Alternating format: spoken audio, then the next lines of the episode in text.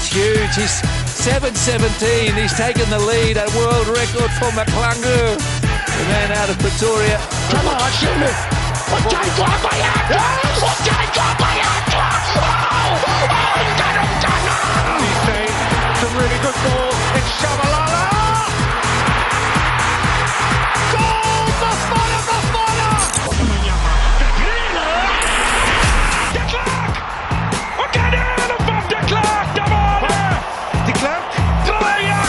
William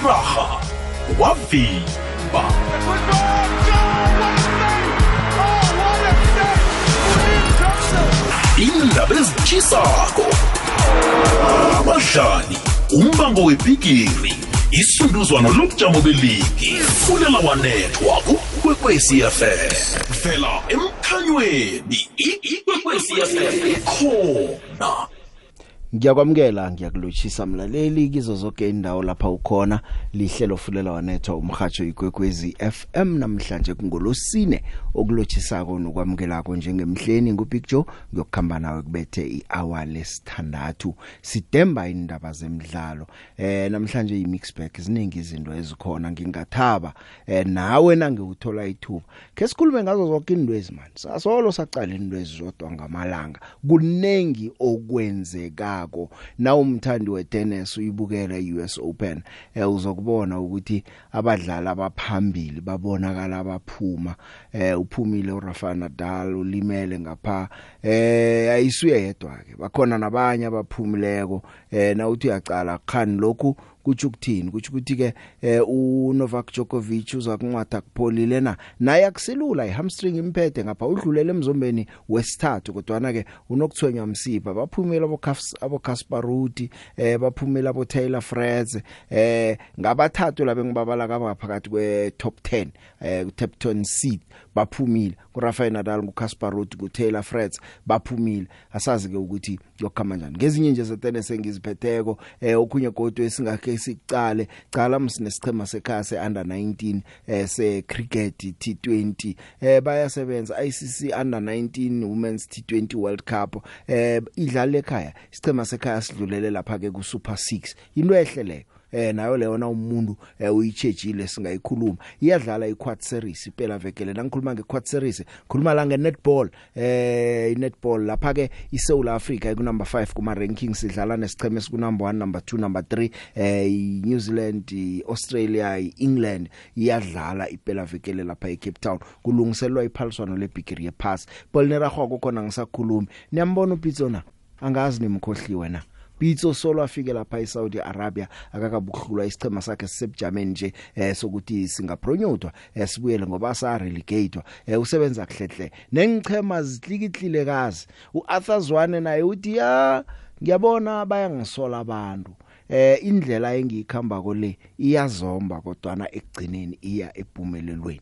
Uthi Kaizer Chiefs ama quick fix kunini iwenza ama season lawo ke ingathumbi imbigiri basolo bathi lo akathumbi silethe umbando lomutsha eh, ngemva kwesizini angathumbulutho acothwe godu balekele omunye ama season amabili angathumbulutho acotshwe godu. Uthi nje eh abeka ukuthukelwa umsebenzi wakhe bayayazi into abayenza kwesicemeni sekazizwe bahlikihlile nabo ke kunengi lihlelo fulela wanethwa. Ngiyokuthengisa ngiyabuya. Fulela wanethwa inkulumo zanamhlanje zisibizele ukusikhosana umazolumani uvumbukile uthi emadoda ngiyezwa kuyakhulunywa lapho namkhe ngiphosele lami lobodlana you can't compare yourself with others. We are very fortunate lapha eSuperSport ukuthi we are owned by SuperSport but still kune budget efanele sirun abantu basachuza lapha big joe ukuthi thengisela isundown ama player Eh, we have five players who are playing for sundown who are coming direct from i-academy yethu. Njengozoba sidlala nje sidlala ngabesana abaningi bokuqalako. Ababuya ku-academy. Abaya ku-Sundowns nabo. kudependa ngokuthi ngubani othengako? Remember wena big joe uma unga-affordiko you can't blame us and say why sithengise umbule to isundown sundown ithi yakhona ukubhadela amaplayer. Izowathola amaplayer kithi? Dlala dlala big joe asidlali la. Ezemidlalo kufunela wanethwa ukuhlanganiswa kwenqhema indaba ezitshisako abadlali umbango webhigiri isunduzwano lobujamo beligi fulela wanethwa kukwekwezi fm angithome ngalezi ke ze ze Australian Open ikutane evike linongorana uRafael Nadal eh kubhalile izolo. Eh uphumile eh ubechiweke eh izulu nalo liyayithela lapha kunande kuchisa kunande kwenzekani. Eh bekahluza hluza umbono ukuthi uzubhlungu eh ulobe ngo 64 6475 abethwa eh umswa weAmerica uMackenzie McDonald eh ya kwaba kuphuma kwakhe ke. Lokho ke eh kuthi ukuthi ke uphumile ke ovikela unongorwana. Eh mhlawumnye ke kuza kusiza uNokovic asazi ngoba ufuna ukuthumba eh iAustralian Open ihlandla lechumi eh uRaf uNovak uJokovic. Eh uRafa Nadal uthi kube bhlungu begodu uzwe adiniwe eh uthi bekangalisa phakathi umdlalo kodwa nawazitshela ukuthi angiwudlala wonke ngiwucede I have been a couple of days like this but uh, nothing like today in that movement so I, I don't know I've we can start talking about that but now but I, I don't know what's going on if it's muscle if it's joint. Uh, I have a history in the hip that uh, had issues. Uh, I had to do treatments in the past uh, recent, recently too but was not this uh, amount of problem. Now I feel that I cannot move but uh, I don't know how till I do the test and all this stuff I don't know it's difficult to to make a resolution if it's a muscle, if it's the the joint, if it's the cartilage. I don't know, but I didn't ask them. I am old enough to take my own decisions, so I didn't want to retire to be defending champion here. Uh, I didn't want to leave the court uh, with a retirement. Better like this at the end. I lost, nothing to say. Congratulate the opponent and that's that's the sport at the same time. Uh, just try your best till the end. Doesn't matter the chances that you have. That's the philosophy of the of the of the sport. Nguye ke uRafael Nadal njengoba aphumile nje ke eh uJokovic yena ke udlulile ke ubethe lapha ke uKwakuthi Kwakati yangukhwakhati ya umswa amhluleko eh uEnzo Khwakhati umbethe namhlanje ngolosini ngo616762 lava lapha eRoad Lava Arena. Eh kanti ke na uthi uyacala ke bekathumba umdlalo wehlandla lamachuma amabili nantathu eh ilandelana lapha eMelbourne Park eCenter Court njeke ke ugijimisa lapha ke Australian Open yehlandla lechumi kanti ke imidlalo lo ebe umuhle hle kodwa na ke eh ke kwaba nesikhathi kwaba nabalandela abadakwe kwabaziselela utshwalo ampaya kwakatelela ukuthi acotsha abantu ngalabadakwe kuphume eh, abane bakhona baziphathela utshwala ngezandla ndoda bakhitshwa lapha ke eh, bangakaziphathi kuhle. Eh, ukuthumba kwakhe ke kusho ukuthi ke uyokudlala lapha ke nomswa weBulgaria eh, uGrigor Dimitrov. uDimitrov ubethe lapha ke uLaslo Jarewa lapha eSerbia ngo6362 lava eh siza kubona ke njengoba ngikutshela ukuthi ngaphakathi kwama te, top 10 seats eh sebaphumile uRafael Nadal uphumile uCasper Ruud uphumile lapha ke uTaylor Fritz eh asazi ke ukuthi lokho khani kumpha ithuba na eh uJokovic sakubona khona. Sebujabeni bokthoma Carlos Alcaraz ulimele yena.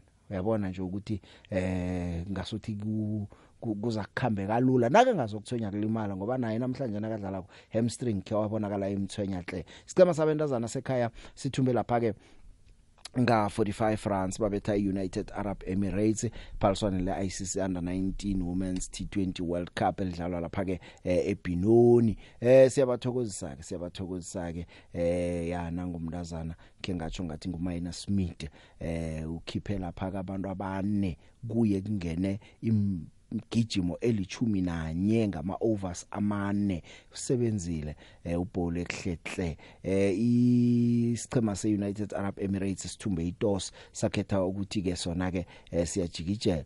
Eh safaka lapha ke iSouth Africa. iSouth Africa yenza 112 for 7 ku 20 overs yabo. Na ucabula ungakhumbula eh, benza 112 nalokho abadlala neScotland nabayibethako. Kodwa ke basebenzile. Ucaptain wesichema nguOlihle Siyo eh yena ke wenze 25 yemgijima angakaphumi ngempolo eziyi28 iboundary abayinye ungene lapha ku number 7 ukubonakala ukuthi bayakwazi ukuhlela. Zange bathi ngicaptain asimfakele phambili. Bamlisa lisile wazi wazi ukusiza imsila lemuva wenza imgijimo. Eh uthi une sinethemba ke lokuthi ke njengoba amabholas wekhaya asebenza kuhle kangaka eh nama betters azokuza nawo awenze umsebenzi ngendlela ekulindelwe ngakhona. Bokudlala lapha neBangladesh ePotchefstroom eh bokudlala ngomgcibelo. Kana ungathi uyacala kenye into ekhona ifielding. Eh ifielding yekhaya nayo ke ibe ihle khulu. Nosiyo nayo uyatsho ukuthi eh uyazikakaza ngabenazana abangendlela abafielda ngakhona.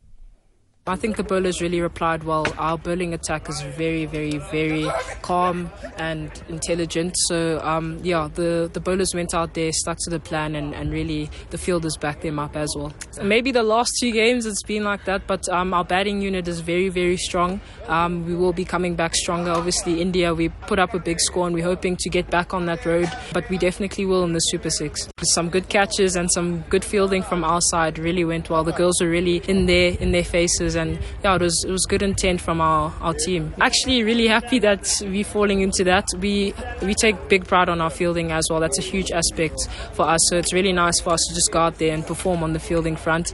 Um, yeah, just really good fielding performances all around for the past three games. It's it's been amazing, and yeah, we're just hoping that we could step it up by one level and just keep going with the fielding. It was the plan, so the plan worked. Um, just to qualify um, you know, get second in the in the pool in our group, and it worked out, which is really really good. We need to step up a, as a batting unit. Um, I mean, there's going to be greater competition, um, big teams there as well. We've played some good quality teams as well that have taught us a lot in terms of um, how to bat against um, specific pace and you know how we can get better, especially in the field and in the bowling. I mean, bowling plans um, changed after game one, which was because of the conditions out there and because of what we learned playing against. Um, the team. So yeah, it was a lot of learnings that we've taken into place, and it was really important learnings for the rest of the tournament.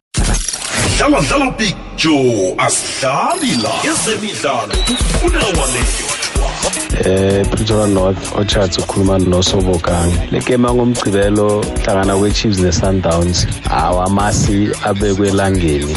Written on the wall. Angicabanga ukuthi eh iChiefs ingenza eh batsho imiracle isithola at the wrong time. Simon Ngomani eh wayi director of coaching lapha ke kusafa ngaphambilini. Akukhathalekile ukuthi uwe kangaki kodwa okubalekile ukuthi uvuke kangaki wavuka wazithatha ama-uwa i-chiefs ilimele yebo nge-result yamazulu kodwa babhekene nomdlalo we-sundowns manje ephambi kwabo. Abahambe bayithinthithe bathathe i-sundowns bayi-challenge bayinikeze leyo competition eyidingayo i-sundowns. iChiefs isithola at the wrong time. Sundowns is on top of their game.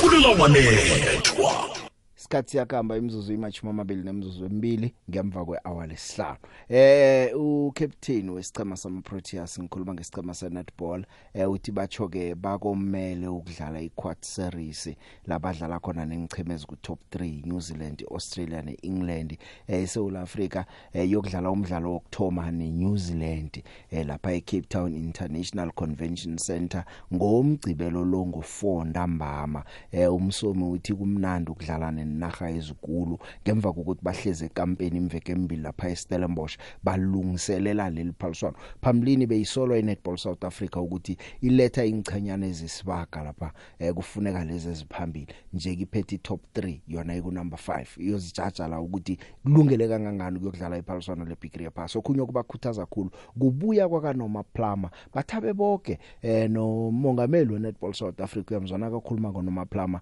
uthabe kangangani. Hlandla lesibili abuya eh batsho kune excitement ecampini kuyatsho ucaptain wesichema uthi nokuzithemba kungangonina Oh, I think uh, since we came in from obviously the festive season, things have been going well in terms of you know putting out the work. I think the idea of us coming into camp, we actually understood that it's not going to be easy to actually prepare for this year, not only for the quad series but for the World Cup as well. So.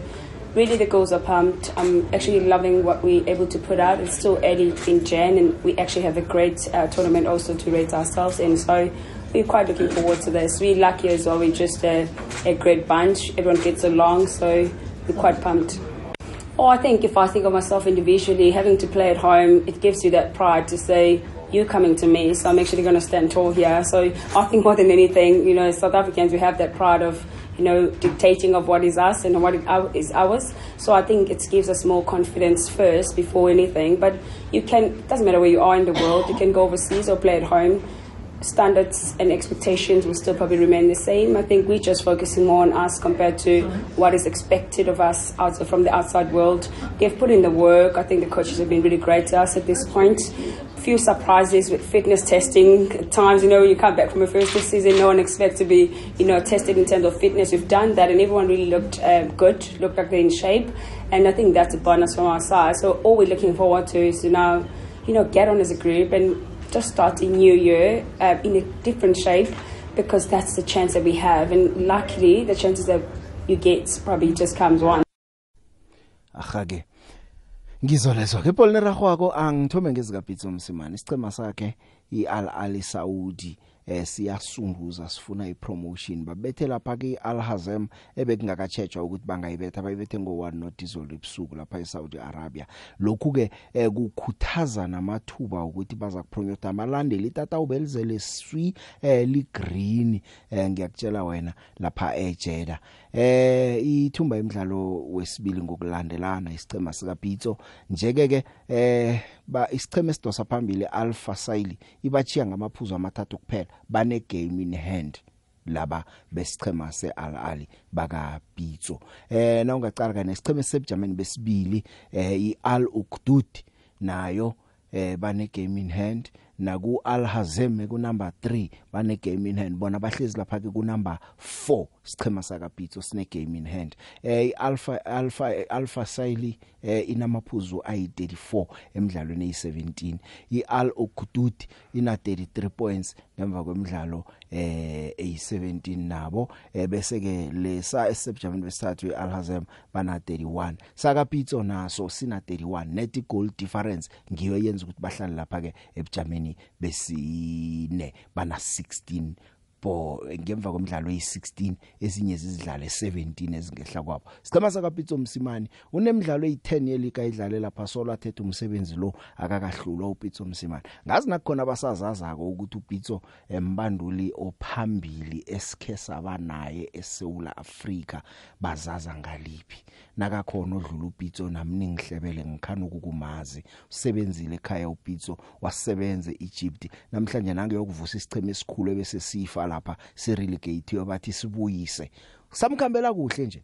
Eh upitso emidlalweni eyi10 uthumbe 5 udraw 5 nesichemezi akakalobi enye into ke ne recruitment yasebenza usayinile ke nje. Usayina umdlalo wayidlala iSwansea ngwalapha eGambia eh ngumodo Ubharo lo ufikile ke lapha kulesa sichema Pitso sowuthomile ke uyathoma ke uyakhibelela ke kulesi sichema ngupitso Musimani sicheme sarelegate twice nepheleleko nje bathe Pitso yosubuyisele lapha sibuya khona isichema nangu uyasithwala.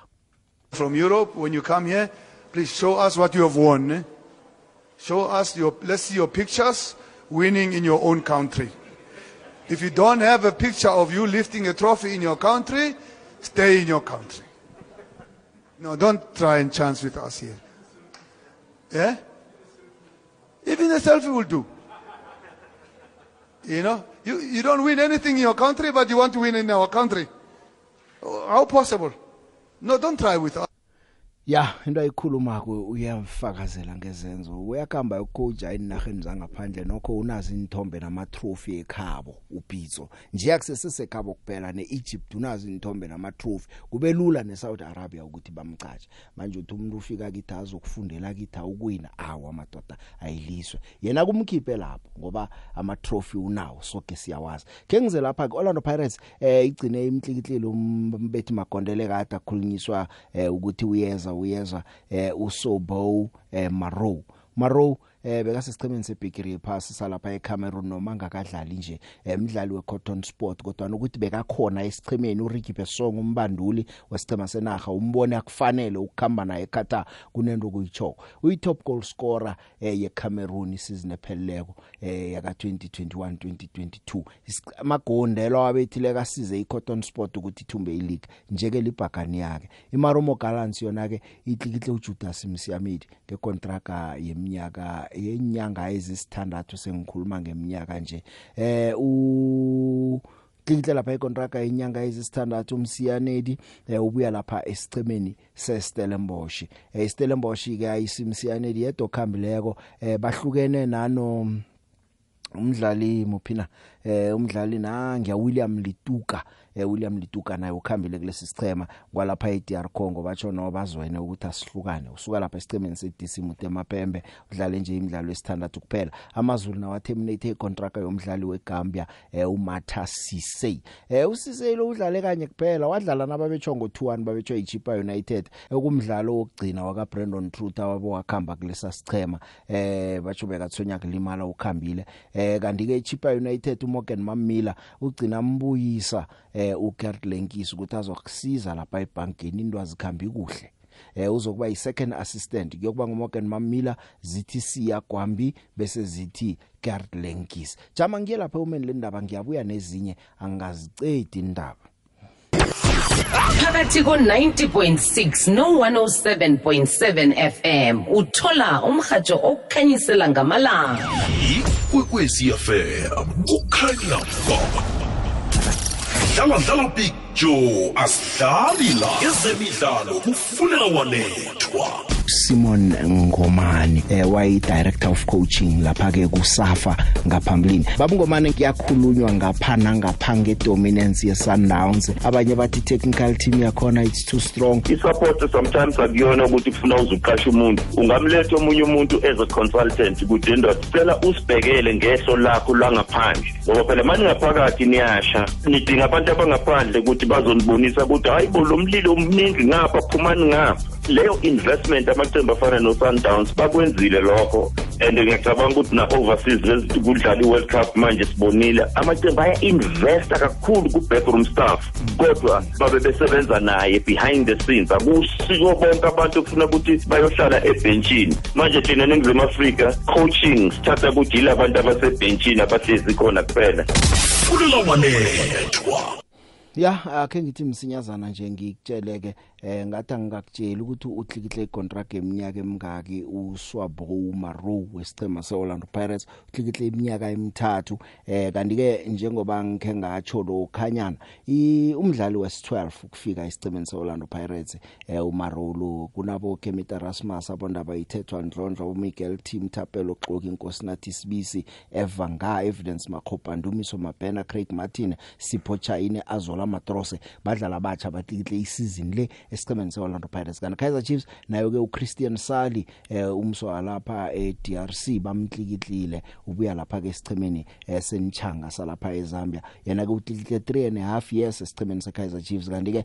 khona bese bathi ngomgcibelo khana uzakudlalana? Eh eh uyokuthoma ukutraina ngomvulo. Kanti ke isicema seKaizer Chiefs sesesibhincela nesizini ezako ke iPre contract eh bamtlikihlisile ke umdlali wesicema seSuper Sport eh oyi center back odlala ngesincele uthatho yawona dihlokwe eh ungicaptain wesichema senaga salapha eh, elisuthu yena ke utlikihle icontract yeminyaka emine esichemeni seKaizer Chiefs. iPre contract uza kufika eh, mhlawumnye ke eh ngabo July nakhana uza kufika ya nakuphela isizini angaphandle kokuthi mhlawumbe ingcheme ezizombili zivumelana ukuthi eh akasala sakhamba nje. Ngoba ezinye ingchema uyazi watlikihle pre contract silaba kabeka phasi.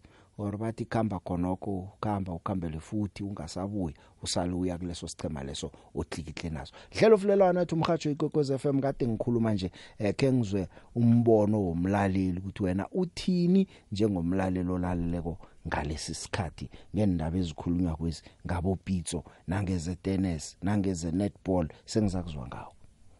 Eh thobela thobela eh Big Joe eh Louis Weka moko kwesi Big Joe ntwe ke yang go e dira ka mokibela yo go sha batho bohloko ka gore Mamelodi Mamelodi Sundowns go fetša ka yona Big Joe ke lo e trapa Big Joe ke lo ba betha Big Joe ke lo ba tia ka di face Big Joe ke lo ba bolaya.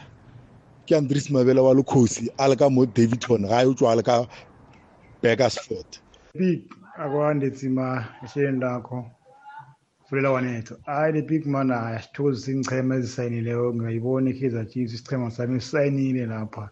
Nayo imarumo galaxy nayo i-orlando pirates ngithi hayi man hayi. Ne hayi at least mani maskini kuzakuba ngcola bekhosini apha. Hayi hayi indlala engakade big hayi Kaizer Chiefs le big guy khona hayi isiceda amandla le big man hayi masithembe bona nayisayinile konje umehluko uzaba khona le big. Ngokusho njalo ngithokoze le big ngutshangela unjani kabongela danko le big. Sithokoze ngapha ukwekwezini big joe. Um ukhuluma novusi la kwadlawulane ehlokodluku phasi kwentraba um big joe ngithi mina ngithanda ukuthokozisa isichema sami sa i-kaizer chiefs. Ngokuklihla abadlali ababili um istriker lesa nedefendela uyabona? And ngiyathemba ukuthi big joe njengoba nasisayinile nje kuzoba ne-improvement ezokwenzeka lapha phambili lapha especially ngoba siyabhalelwa kubethwa amagolu mani amagondrela ayasihlula ukwabetha maye sengiyabona ukuthi wenze kuhle ngokusayina phambili ayokuvala nemuva. Ne-big joe ngithi ngomgcibelo ngomgcibelo yokulala iboniwe mgcibelo ngomgcibelo ngiyadlula big joe. I-sundowns ayiyindawo. eBig Joe locha locha Big Joe. Watazwana angazobhaya iskelem semanagement ufuna ukuthandwa bo Kaizer Junior at our expense. Yama-result Kaizer Chiefs it's a big brand ukuthi ingahlambalazwa kanje. Angazokhuluma lento ayikhulumayo. Atazwane abekhona abelokhu ayi-assistant coach. Azokhuluma ngathi yena bengekho ubuya ngaphesheya. Abe-assistant coach abeku-development abekhona la e-south africa. If lokho bekwenzeka he should have told the management kudala bayi-introduce leyo kusesenalawo makhoji akade akhona lawo before acoshwa. Ma ucabanga ukuthi yena ngeke acoshwe. Uzahambiswa yithi-ke abalandeli you joe. Eh yache picture ngumabona ngapha ngelukayo big joe ngithanda ukuthokozisa isichema sami ngokusayina. Istriker. Well angeke sakhuluma khulu nje ngoba sakhuluma khulu nakufika uCaleb mara ay i-high play afika ngayo. Ngaphakathi kwekundla ayibonakali manje ke lo asifuna um-overhype kakhulu sesizakubona ngaye mara siyathokoza ukuthi at least basitholele i-replacement ukuthi uCaleb nakalimeleko at least we have someone else and then uh, i-center back a very good center back yeBotswana nayo siyathokoza. I still think we we need i defensive midfielder then isichema sethu sizokuba balance. Otherwise sesizakubona khona picture. Ngiyathokoza ngimabona ngapha ngeluka. Eh big joe nobiziwe esemhathweni Eh ngithanda ukunilotshisa mani nikhuluma nonkosinathwa kamkwena la ePitora ngombereko okuhlala ngadlawulale. Eh Big Joe ngithanda ukuthokozisa uPitso Msimane irecord lakhe lihle kakhulu uyawina Big Joe kusho kona ukuthi uPitso Msimane umbereko wakhe uyawazi. Phinde ngithokozise noBenny McCarthy uyaliphakamisa futhi naye iflag glass eSouth Africa lamadoda omabili umbereko wawo ayawenza Big Joe ayasiphakamisa hle. Eh ngizosithola esicemeni sami Big Joe iKaizer Chiefs. Basayinile Big Joe kodwa mangibheka ama-video mina Big Joe walomuswa lo Christian Sayile. Akangithokozisi kuhle Big Joe aba kang angimboni nje njenge-striker esingasolva inkinga esinayo lapha eNaturena. Uze uphalwa ilo Neymar Kanhembe lo mangibheka ama-video wakhe cishe unepilo mani ukudlula uChristian Sayile lo. But ke asimnikeni chance simbone ukuthi uzanani kodwa nje akanginikezi lento engiyifunako. Siyabathokozisa ke Big Joe ukuthi basayinile noma basayina umdlali munye nje. After omunye bathi usayina i-pre-contract kusho ukuthi uza kudlala unye isizini ezako. Yazi i-comedy into eyenziwa i-Kaizer Chiefs Big Joe i-team ekulu kangaka nje siyosayina umdlali munye basho isayinile. Hayi mhlolo lo. Akunakinga Big Joe sharp ye butbig. Unjani bhuti wami hawu onyakeni omusha bhuti wami kudala ngagcina ukukhuluma nani bhuti wami? Ngiyathemba niyaphila mfowethu. Ye webhuti hey yabona indaba kapitso? Hayi hayi lona hayi lo hayi ukhoji lona bhuti. Upitso usezibonakalisile ukuthi no ukhoji ovuthwe ngendlela ongazange uyibone. Lapho efika khona impumelelo kuphela. As long nje ama ama i-management izokholelwa kakhulu kuyena imenzele lento ayifunayo. Hayi upitso hayi it's out of this world. No no no lo coach hayi ngeke bra- bra big hayi no no no no no hayi ucoach lo. Nanga ucoach esimfunayo thina hayi ucoach o- okwazi ukuthi asebenze uma ngabe esebenza ethimini esivele seyiridi kodwa uma ngabe ungamthatha umuse kwesinye isiqembu uthole ukuthi akakhoni ukusebenza kuleso siqembu no uyabona upitso? Hayi siyamdinga la kubafana bafana. Ngiyabonga bra big.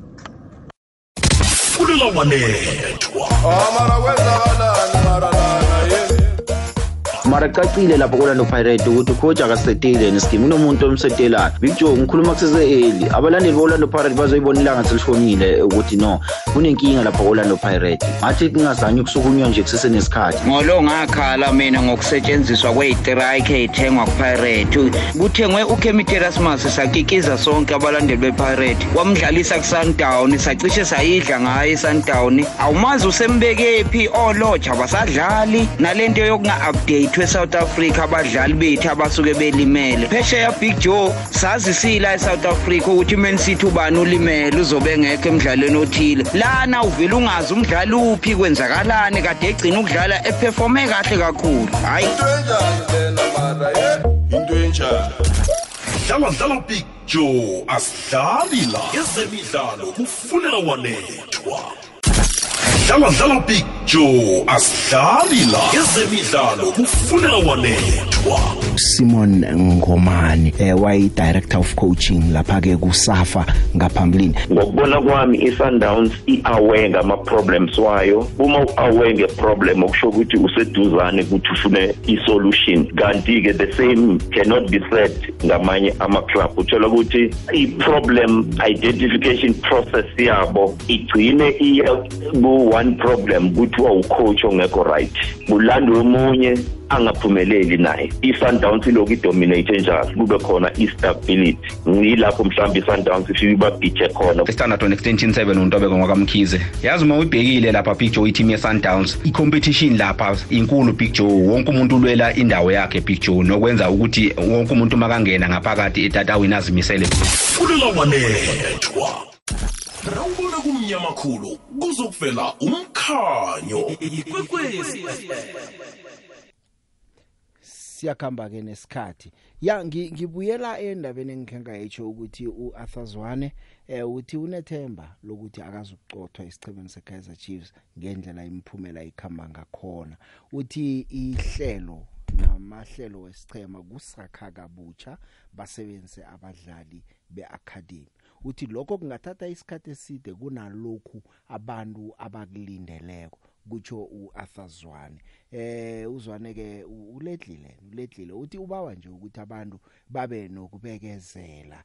Eh uthi nakakhuluma konke uthi eh neArsenal neyibona msukuthi uMikel Arteta eh, bambekezelele njani namhlanje kanjani uthi nokho angizifanisi naye. Kodwa na sengiyanitshela nje ukuthi eh kukhamba njani. Uthi into yokuthi sesithenge nje ngoba batsho kuvulwe iwindow period sakhe sayenza ngaphambilini sabutha sabutha sabutha eh izinto khenge zikhambe kuhle. Uthi iye kule process esikiyo kuyokuba nama ups and downs kodwa nekugcineni izinto zizokulunga. Eh uArthur Zwane ke ufela ukudlalisa abadlali abasesebancane ngobuningi isicemeni seKaizer Chiefs. Na uthi yaqala kungene 20 goals bona babethe 18 emidlalweni eyi16 baku number 4 elogweni bana 24 points. iSundowns bachiya lapha ke ngo19 points uzwane uthi abasana aba ngoba siba developela ukuthi bazokusebenzela iChiefs nasingabafaki kothina singabaphi ithuba nithi baliphiwe ngibani ithuba kutsho Atazwa Uh, to be quite honest, I'm not worried. I'm not worried because we have a plan as a club, uh, a plan that needs to be executed. And if you look back for how many years we've been trying to hit the ground running, uh, did it work for the club? It did not work. And whether you like it or not, at the end of the day, we have to do something. And there's many other teams that uh, we can make an example of uh, in Europe. Uh, you go to Arsenal right now, why are they doing well? It's because they had so much patience and belief in whoever that they put in there and also give him the opportunity and space, you know, to try and work things out. And yeah, the results, you can see the results for yourself. You know, I'm not saying, I don't, I don't want to compare. And I'm not saying we can do exactly what Arsenal is doing. But what I'm, I'm just making an example that if we know what we are doing, we have a plan. we have a plan and we want to execute the plan, obviously we need time. And you'll also pay the price when it comes to, in terms of, you pay the price with, your, with the results. The results will be fluctuating because you're trying to get something going. You want to improve on certain things. And at the end of the day, if you're not going to get it right, someone that's going to come in in future, you'll get a team that obviously now can easily you know, grind results. Why? Because there'll be a way of playing, there'll be identity, there'll also a way of saying whoever that we want from outside, it's easy. The system itself will profile that player. So the system will profile the players and the coach is going for it. It's not about Atazwani, it's not about individuals, it's about the future of this club, you know. So having said that, I'm not worried about myself losing my job. Just play buy players for the sake of buying players. You, you first have to build a system and have pillars in place. And then that system itself now will make life easy for us to go and identify the players that we think are good enough, they've got the qualities of coming, you know, and, and value. Uh, Arsenal, that's what they've done, and that is why you can see now their journey becoming, you know, uh, much easier and successful. It's simply because of that. If you look at the team that Ateta started with, yes, there was a lot of young stars playing with energy and all that. I think he just brought brought in this season, this beginning of the season, about three or four players, not eight or nine players. So you have to build a structure, you have to build a way of playing, and also have core. That core now will make life easy going forward. And there's no shortcut about it, unfortunately. Hola Jojo, hola Big Joe. Eh Big Joe, i-Chiefs angisupport support ezimnyama ngenkani ezingamagebhula.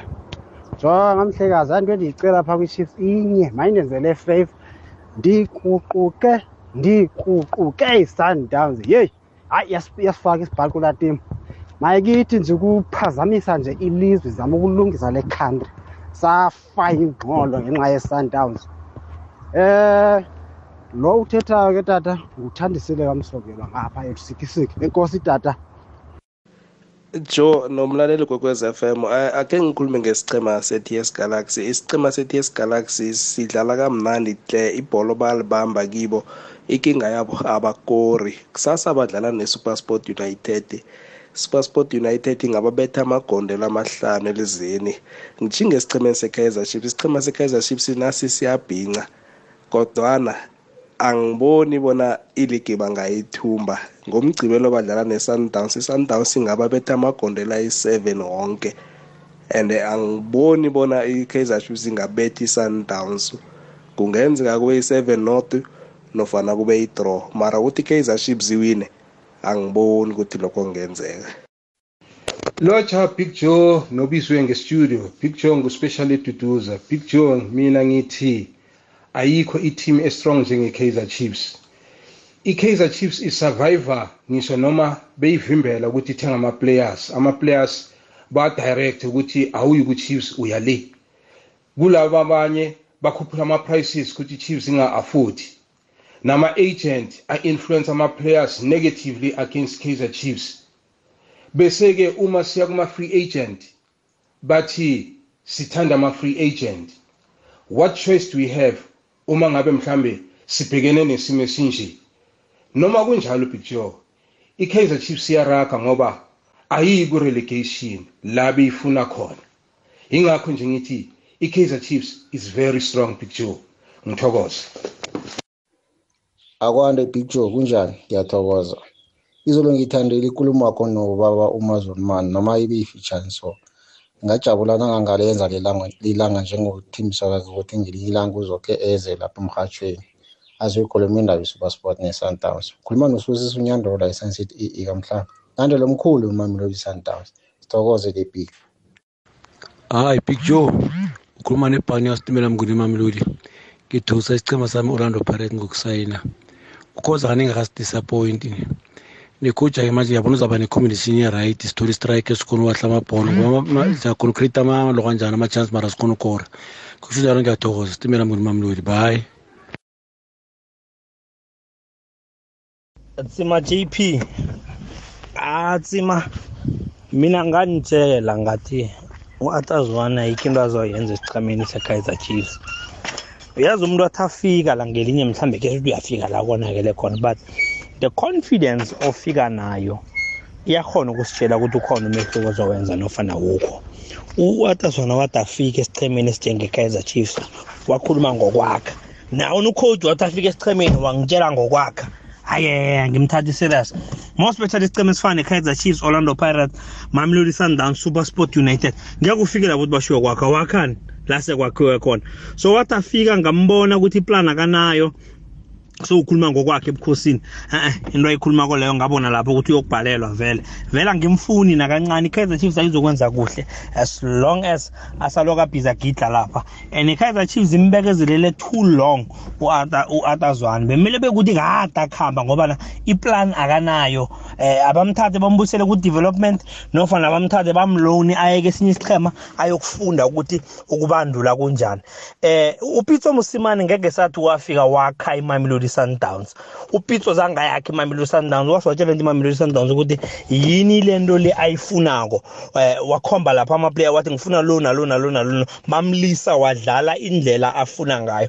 Enye into vele ingcheme ezifana nabo-kaizer chiefs azifuna ukuthenga abadlali. Mara-ke upitso was confident enough. Upitso upitso azange afika ukuthi batsho ufuna ukuthi batsho wakhe imamelodi sundowns. Eh net ukuthi yena wase watsho ukuthi ngifuna ukudlala into enje. Fortunate enough imamelodi sundowns yamsupporta. Lo uyafika nokungena nokungena batsho yena ufuna ukwakha. A-a asimfuna umuntu ozokwakha ebukhosini. Mkhosini is a big brand ukuthi batsho ngayakhe evaterfalo bikhanya pha. Mibono eh imbono ehlukahlukeneko evela endaweni ezihlukahlukeneko. Nawe lapha uhlezi khona ngiyazi ukuthi unawo wakho umbono. Veza wakho umbono nomunye uveza wakhe. Dosa mlaleli ngiyithathe imbono wakho. Ngizakunande ngicheba ngama voice note nasolo sidosa imtato nje. Usemoyeni yeche ngiyakwamukela. What's Big Joe? Kunjani? msiyoni yeche ngikhona wena?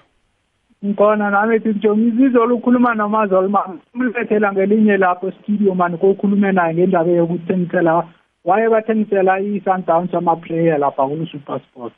ngizakwenza njalo msiyo Ngithokozile Big Joe. sharp usemoyeni yeche Big Joe akwande kunjani? ngikhona mina unjani wena Hayi sikhona man. Ethawala ngusije. ngiyakuzwa CJ Big Joe uyabona i-Kaizer Chiefs ngendlela kungakhona eh watazwane kufanele simbekezelele. Angazi ukuba kuhle na. ngikulalele mina khuluma bekiphuso Eh the big umuntu musakakhidlu ngisho kose umlinde ayakhe ayifulele iphelele bese kungena ngaphakathi kuyahlaba. Manje isikhathi esasiyafika sokuthi aqede. Kanti komi ukuthi sijahe the big Ngiya- ngiyathemba bakuzwile abalandeli beKaizer ya kufuneka sibekezele phikele enye into mhlawumbe ngibona ukuthi nangabe wabobhoyi bayalalela indaba ukuthi akose kuthiwe ngamaplayer bese kuthiwe he phela idurile abathengi abasitele bese sikhiphe imali sithenge iplayer bangabeki kuyabhala.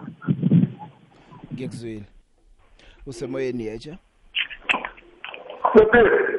Akwani? Yebo, yebo, khuluma nomakhosi kanyandeni kwaNongo. ngiyavuma. Yebo, eh cha, sithi siyakubonga lokho kwenziwe Kaizer Chiefs ukuthenga sinye striker. Esethembayo ukuthi eh sizofika sisenze lokungcono. Sizokwazi ukufinisha. Kodwa ke bese ngibuya la. I-Chiefs ngibona ukuthi idlala ngathi lapho ukuthi isenesikhathi sokusayina umdlali i-pre contract. Kube kunzima kangaka, singenelwa amagoli amangaka. Ibingayikwazi ukuthi ngoma izama ukuthi lowo mdlali ilwela ukuthi kufana leyo club ukuthi imthathe khona manje ngoba phela siyalimala manje lokho okusindele ukuthi unyaka ozayo isizwe elandelayo NSM 10 iclub yakhe isingasuke ngisenziwa ukusithela imphanisha afike lapho sisehlelwe yifour kodwa nje ngithi-ke ngibafisela okuhle nangomgqibelo kodwa yasashwadabe usafuneka omunye umdlalo esizweni angibonga sebheki ngitshela abantu anayo ngiyathokoza nyandeni angibonga sebheki usemoyeni kunjani? ngikhona mina. Sile baba. Hayi, Sitho yazi ngithanda ukubongela uPiso bona umsebenzi wakhe awenzayo. Hayi. Mm. Ya iyasiphakamisa le ndoda straight la ekhaya. Kuyabonakala ukuthi kunomuntu mana kunokhosha straight la makhaya. yasebenza upitso Ya uyasebenza Sitho uyafikela ubuyele emuva sonke sikhuluma lokhu nalokhu mara umsebenzi wapiso muhle uyabongeka. Nami ngiyavuma nabalandeli beAl Ahly abanye basukele Egypt bayombukela eh, bayokusekela iformer coach abo uyabona ukuthi nabalandeli abanye babengamfuna ama legend nanani kodwa umuntu oyazi kweibhola nobona imisebenzi kaPitso nakayedwa uyathi ukuthi salobi coach lapha. Bebayile abanye bokubukela lapha basekela isicema sakhe seAl Ahly basuke Egypt ye hayi yona injalo pijo ngoba nalekhaya kwamba kwale ndoda lo eh singasho sithi usebenzile lekhaya mani uvulile indlela bahuthi ngithokozile baba usemoyeni Ito unjani? ngibona mina unjani wena Khona ngikhuluma no-Ride kwakho. rider Unjani Pijo? ngiright rider unjani wena Siyabonga. Eh uleshini ngaphezulu la. nangu uyavuma uphakamisa isandla Ngiyathokoza. Eh Pijo nasibulala ama-journalist nendaba ye-World Cup na Pijo nasibulala nathi ama-youngsters World Cup ama-youngsters bla bla bla. Ade wayithatha njengobani njalo afake i-trash.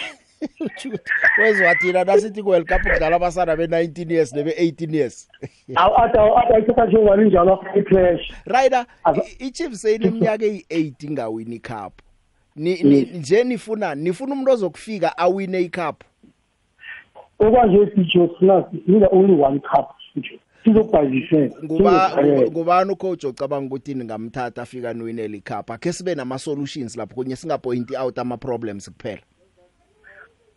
Big Joe mina ubona kelami side ne? Ishizi manje nganikeza uDr Khumalo ishana kuthi uDr wenzeni kushizi i don't know. Yini angazi ukuthi ngubani. okwacoach abano-ace cuse yes angazi ukuthi uDr eXuthi ngcono usesekhona lapha kushizi ukuthi phela ku development kuthi uDr wenzani kukaizer ayi angazi Big Joe angazi. Mina ngiyamthemba uDr. Big Joe the problem u-Ada ne u-Ada kuna kuna some of the eh legend. Angazwani nawo Mm. understand the way ngimona ngathi aka- akalaleli. Yabo problem yangalalela ama legend ishizi ukuthi athi yonke into lapha ushizi izoba right. Manje u-Ada uthatha ama decision ayi-one umsheke noma akhosha picture u-Ada akakhulumi no no Dylan Shepard Mm. wenza i- izinto ayi-one rider Understand. ngizayi-check into oyitshekele ngithokozele ngurider madonsela exactly picture nguye loyo sap sap Eh the big awukusalute bhuti omkhulu ngithemba ukuthi uyaphila uemixolo ePitoli. Hey mina yazi abalandeli beKaizer Chiefs angazi ukuthi bazawukhula nini or ibhola bazayilandela nini. Hayi balandela igama le team ukuthi hayi bathanda iKaizer Chiefs. Ngoba ngendlela benza ngakhona kusho ukuthi balandela igama abalandela ibhola. ya ngoba ngikakabona into engade ibaphakuzelise kangaka ibahambisele phezulu bathi hayi bayawina bayawina intoni etshintshile engakabi khonto ezawutshintsha kusekude utshintsho luthatha isikhathi eside big joe ababuze phaa ku-sundowns ukuthi labathatha iminyaka emingaphi utshintsho? Mabake bakhohlwe bona. Um basezawudlala isigubhu kwezinye team mangibonge big joe. Upitso hhayi akekho kusho ofana naye lapha e- e-south africa. Hhayi uyarokha lo baba lona. Uyayiva amazwi wabanikezwa laphaya ma izawunikezwa lo msebenzi. Nayibuzo ayinikezwa hayi upitso hayi hayi ucoach lowo andibambe ngazo zibini big joe danke bhuti. Big Joe ngibingelele umbongisani wakadobe ePetrol Bay. Sengiyesaba phela ukungena. Bagcina bathi kulo nyaka ofelile kufuneka ngikhande i-team yami sinomunye umlandeli abavikela uShu- uStuart Baxter. Namhla seyithina futhi thina abalandeli sithi akuxoshwe u-atazwane. Kanti sifunane ngoba phela u-atazwane udlalisa le ngane esasiyifuna and kuyabonakala le ngane into ezi- ayizamayo ngazo nedi kuyasho ukuthi phela uma ngabe usemncane udibane nabantu abadala ngeke ufike uthi ufika ube wenza izinto zenzeke njengoba ayibekisa nge-arsenal i-arsenal ke yadliwa ngale ndlela yokuthi cishe impela wonke umuntu bekade athi iyehlathini kodwa uma- uma uyibuka manje into e- eyenzayo uyabona ukuthi ibhekephi ngiyathokoza big joe umbongiseni kadume epitradini ngiyathokoza ngiyakhumbula bathi uyokufoma yakho iklapa eh kodwa ngiyabona ukabe ukuba nayo usesekhona la isicemeni sekazi ngithokozile umlalela sihlangane kusasa sicala ukuthi impela veke isiphatheleni.